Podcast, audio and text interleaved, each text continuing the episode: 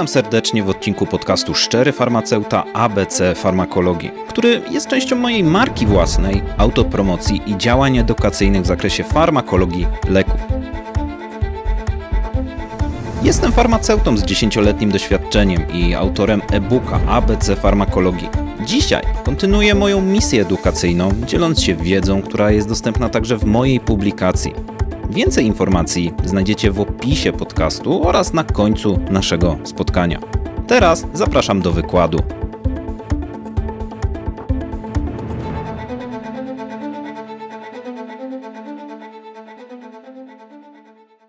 Witajcie w kolejnym odcinku podcastu Szczery Farmaceuta, gdzie rozwijamy naszą farmaceutyczną wiedzę krok po kroku.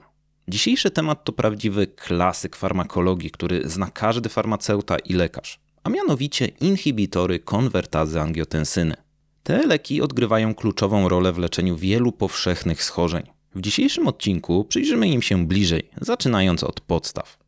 Zacznijmy od pytania podstawowego czym właściwie są inhibitory konwertazy angiotensyny. To grupa leków, które stały się kamieniem węgielnym w leczeniu nadciśnienia tętniczego i niewydolności serca. Ale jak to w ogóle działa? Otóż te leki działają poprzez blokadę działania enzymu konwertującego angiotensynę.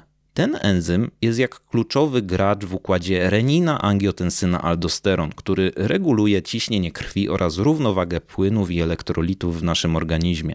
Można to sobie wyobrazić jak domino. Gdy hamujemy jeden enzym, wpływamy na cały łańcuch reakcji. Efektem jest rozszerzenie naczyń krwionośnych i obniżenie ciśnienia krwi, co jest bardzo korzystne dla osób z nadciśnieniem.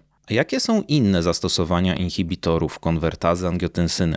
Oprócz nadciśnienia jest to przede wszystkim niewydolność serca.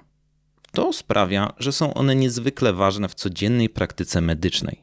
W kolejnych częściach naszego odcinka przyjrzymy się dokładniej ich mechanizmom działania, konkretnym wskazaniom, przeciwwskazaniom oraz interakcją z innymi lekami. Działanie. Inhibitory konwertazy angiotensyny są znane przede wszystkim ze swojego hipotensyjnego działania, czyli obniżającego ciśnienie krwi. Ale to nie wszystko. Oprócz tego zmniejszają obciążenie mięśnia sercowego, co jest kluczowe w leczeniu niewydolności serca. To sprawia, że serce pracuje efektywniej i mniej intensywnie, co jest niezwykle ważne dla pacjentów z problemami sercowymi. Mechanizm. A teraz przejdźmy do mechanizmu działania. Aby zrozumieć, jak działają inhibitory konwertazy angiotensyny, musimy najpierw zrozumieć układ renina-angiotensyna-aldosteron, w skrócie RAA. Gdy nasze ciśnienie krwi spada albo nerki odczuwają niedobór sodu, Nasze nerki w odpowiedzi uwalniają reninę. Renina to enzym, który przekształca angiotensynogen, białko obecne w krwi, w angiotensynę pierwszą. Następnie w grę wchodzi właśnie enzym konwertazy angiotensyny, który przekształca angiotensynę pierwszą w angiotensynę drugą. Angiotensyna druga to potężny środek zwężający naczynia krwionośne. Działa przez receptory angiotensyny drugiej typu pierwszego, co prowadzi do zwiększenia ciśnienia krwi.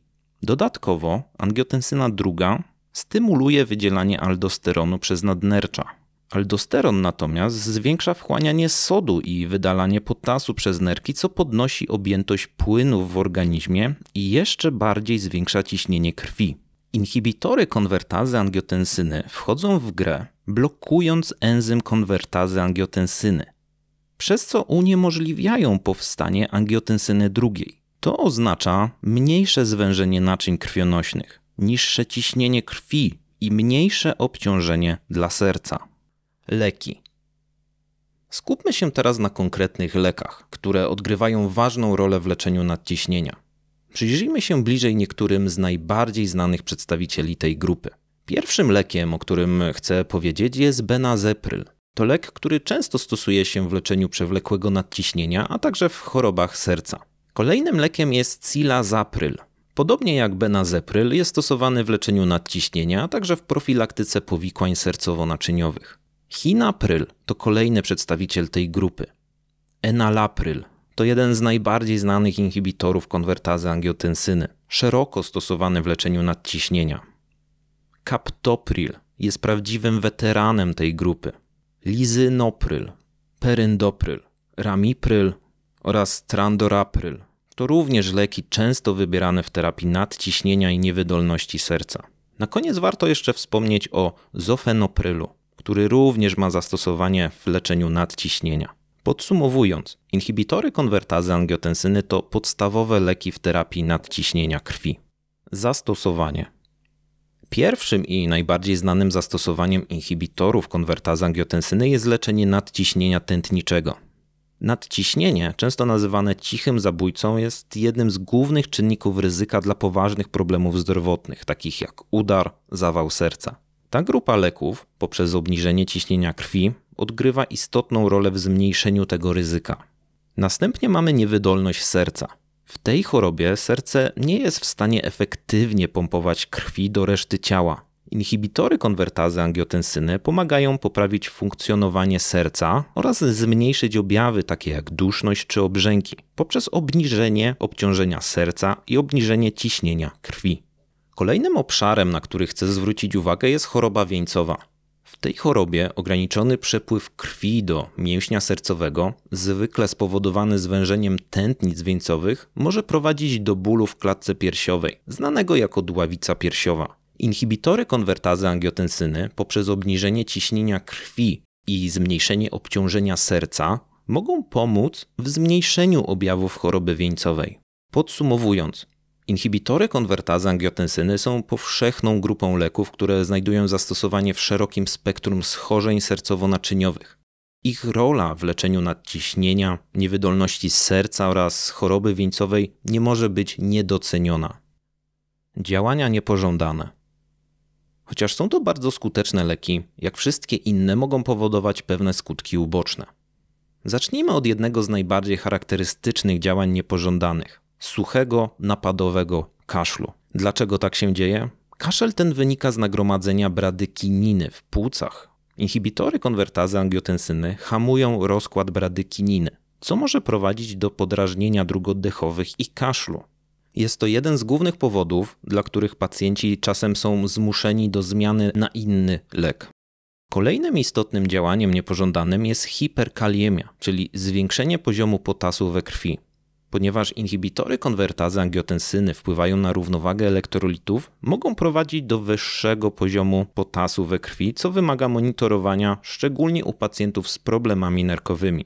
Wreszcie, omówmy hipotonię, zmęczenie i zawroty głowy. Te działania niepożądane są zazwyczaj bardziej wyraźne na początku leczenia lub po zwiększeniu dawki. Wynikają one z obniżenia ciśnienia krwi, które jest głównym działaniem leku.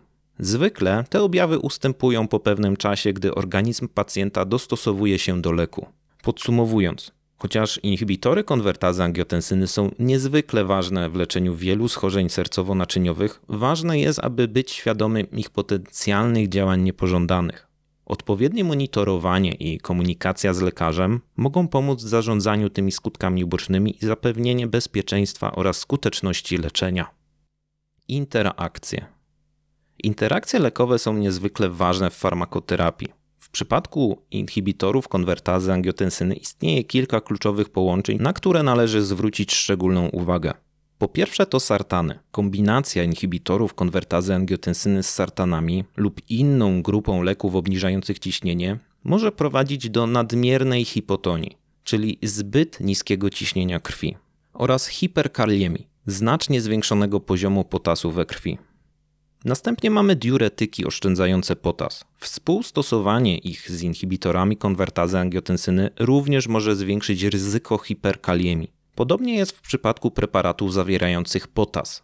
Ich jednoczesne stosowanie może prowadzić do niebezpiecznie wysokiego poziomu potasu w organizmie.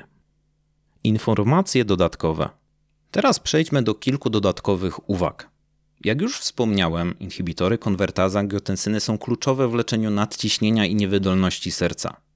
Jednak ich stosowanie może wiązać się z ryzykiem wystąpienia suchego kaszlu. W takich przypadkach alternatywą mogą być sartany, które zazwyczaj nie powodują tego działania niepożądanego. Zaleca się również rozpoczynanie terapii od małych dawek, aby uniknąć nagłego spadku ciśnienia krwi. Jest to szczególnie ważne u pacjentów starszych oraz tych z nadwrażliwością na zmiany ciśnienia krwi. Wreszcie warto pamiętać o unikaniu preparatów zawierających potas w trakcie terapii inhibitorami konwertazy angiotensyny, aby zminimalizować ryzyko hiperkaliemii. Dziękuję Wam za towarzyszenie mi w dzisiejszym odcinku podcastu ABC Farmakologii.